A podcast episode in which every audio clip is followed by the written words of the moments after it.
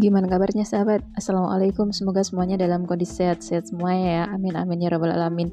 Nah kali ini kita mau uh, cuap-cuap. Kalau kapan hari itu ramai ada satu peristiwa yang bikin gempar dunia nyata dan dunia maya ya. Jadi ada salah seorang mahasiswi yang dia bunuh diri di makam ayahnya dengan nenggak racun gegara apa ya kemarin tuh? Ah dia, dia depresi gitu ya. Dia depresi karena dipaksa aborsi sampai dua kali sama si doi ya. Hmm, ngenes ya. Kalau ada fakta kayak gitu yang ngeri yang ngenes gitu ya. Kadang kita itu bingung gimana sih gambaran mereka itu hidup? Apa mereka itu nggak punya tujuan? Apa mereka itu hanya sekedar hidup itu hanya buat senang-senang aja gitu ya? Ngeri banget kan? Padahal masa depan mereka itu masih panjang bisa mereka raih dengan uh, segala usaha dengan belajarnya untuk meraih cita-cita yang mau diinginkan gitu ya. Nah, kalau sudah kita dengar kayak gitu gitu ya, berarti itu kan, wih, gimana ya? Ya sedih, campur ngenes, campur ngeri. Kita kan juga nggak mungkin ya cuman diem-diem aja gitu ya kalau ngelihat fakta kayak gitu. Minimal lah kita itu gimana uh, ngebentengin diri kita gitu ya. Ngebentengin diri kita itu agar tidak terjerumus kepada pergaulan eh, pergaulan pergaulan yang macam kayak gitu. Itu mesti selalu berujung uh, pada MBA, pada depresi, bahkan sampai bunuh diri, bunuh diri ya. Itu semuanya kan berawal dari pergaulan bebas. Dan pergaulan bebas itu semuanya berawal dari satu aktivitas yang mungkin saat ini itu bagi remaja itu sudah dianggap sebagai apa ya istilahnya hal yang sudah jadi tradisi itu ya, sudah hal yang biasalah gitu ya, bukan aneh lagi, yaitu apa? pacaran ya. Mungkin next uh, podcast kita hmm, akhir-akhir nih kita bahas pacaran boleh juga ya. Tapi kali ini kita nggak ngebahas itu. Kita fokus akan kasus mahasiswa itu gitu ya. Nah itu pergaulan bebas. E, kalau kita lihat nggak hanya kasusnya mahasiswa itu juga gitu ya. Masih banyak lagi. Kalau kita lihat entah uh, setara remaja-remaja milenial sekarang itu uh, angka pergaulan bebas pertemanan, pacaran, sampai dia MBA, sampai dia aborsi, itu banyak sekali gitu ya. Nah, perbuatan-perbuatan yang kayak gini nih apa ya istilahnya um, bisa dipengaruhi karena gaya hidup atau pola hidupnya yang serba permisif. Serba permisif itu kan berarti serba, serba boleh ya nggak nggak mandang. Apakah dia itu ini boleh nggak sih sama agamaku gitu ya? Boleh nggak sih ini sama Allah? Ini halal apa haram ya? Nggak nggak nggak pandang kayak gitu gitu ya. Jadi gaya hidup yang permisif itu serba boleh gitu ya. Bolehnya itu hanya sekedar uh, nurut gue kalau gue uh, mandang ini baik ya gue lakuin tanpa melihat apakah itu boleh apa enggak sama Allah. Pun juga gaya hidup yang serba hedonis. Jadi nggak nggak nggak bisa dipungkirin ya gaya hidup hedonis yang di luar sana itu pengaruhnya sangat luar biasa bagi remaja gitu ya. Gaya hidup yang serba wah yang serba apa namanya uh, hura-hura, foya-foya gitu ya. Dan juga gandengannya kalau biasanya serba permisif, serba hedonis itu pasti gandengannya serba liberalis ya, serba bebas. Nah, kayak kejadian yang terjadi pada mahasiswa ini itu kan juga karena gaya hidup yang liberalis, yang serba bebas gitu ya.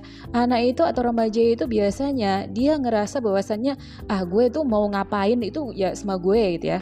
Uh, gue bebas mau ngelakuin apa apalagi didukung dengan kondisi mungkin lingkungan kita juga apa ya istilahnya kebebasan itu juga di, dijamin mungkin ya kali sama sama negara itu ya. Akhirnya apa? Nggak bisa dipungkiri angka pergaulan bebas angka pacaran dengan se seabrek uh, apa namanya aktivitasnya itu ya. Mungkin nanti kita bahas juga itu ya.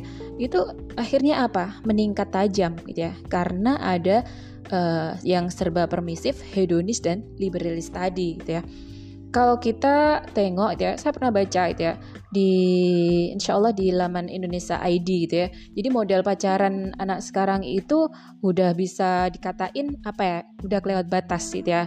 Disebutkan di laman itu bahwasannya uh, anak-anak remaja milenial gitu ya yang ngelakuin aktivitas pacaran gitu ya itu aktivitas aktivitasnya macam-macam gitu ya. Mulai dari pegangan tangan dari data yang diperoleh itu kalau anak perempuan itu sudah ada 64% pegangan tangan sudah ngelakuin pegangan tangan. Kalau pria itu 75% nah itu baru pegangan tangan. Uh, yang lainnya ada berpelukan dari data itu disebutkan bahwasanya 75% wanita sudah ngelakuin pelukan. Kalau pria itu 33%. Uh, ada juga yang sampai cium bibir eh naudzubillah itu ya. Cium bibir itu sampai angka di data itu disebutkan ada 30% perempuan ya anak perempuan wanita gitu ya, dan 50% pria sampai tataran meraba or diraba gitu ya. Itu 5% wanita, 22% pria. Astagfirullah, parah banget ya. Makanya tadi uh, saya katain bahwasanya ini sudah kelewat batas nih. Ini semuanya aktivitas aktivitas-aktivitas tadi itu semuanya menghiasi aktivitas pacaran.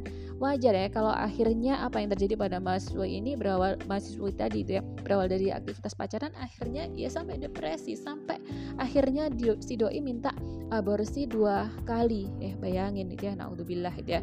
Nah kalau udah parah kayak gini akhirnya apa? Nggak sedikit yang MBA MBA itu married by accident gitu ya. Hamil di luar nikah angka aborsi meningkat gitu ya. Depresi hingga bunuh diri. Nah sekali lagi sahabat gitulah uh, apa ya istilahnya ya gambaran real remaja-remaja sekarang yang hidup di alam yang serba hedonis dan liberalis gitu ya.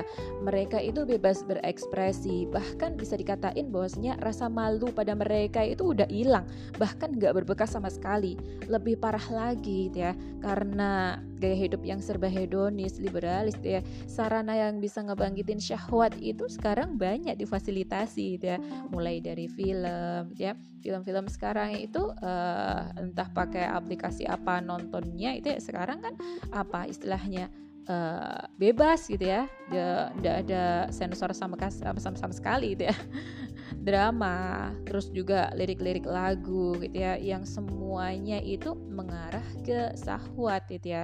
Dan itu mudah dicari mudah dijangkau oleh para milenial dengan berbagai atau seabrek aplikasi yang ada di gadget itu sekarang tanpa sensor sama sekali gitu ya. Bahkan hmm, apa ya istilahnya ya nggak ada lagi benteng keimanan. Gak ada lagi benteng ketakwaan gitu ya. Semuanya keimanan ketakwaan itu roboh ya. Bisa dikatain roboh akibat lifestyle yang serba hedonis dan liberalis tadi gitu ya.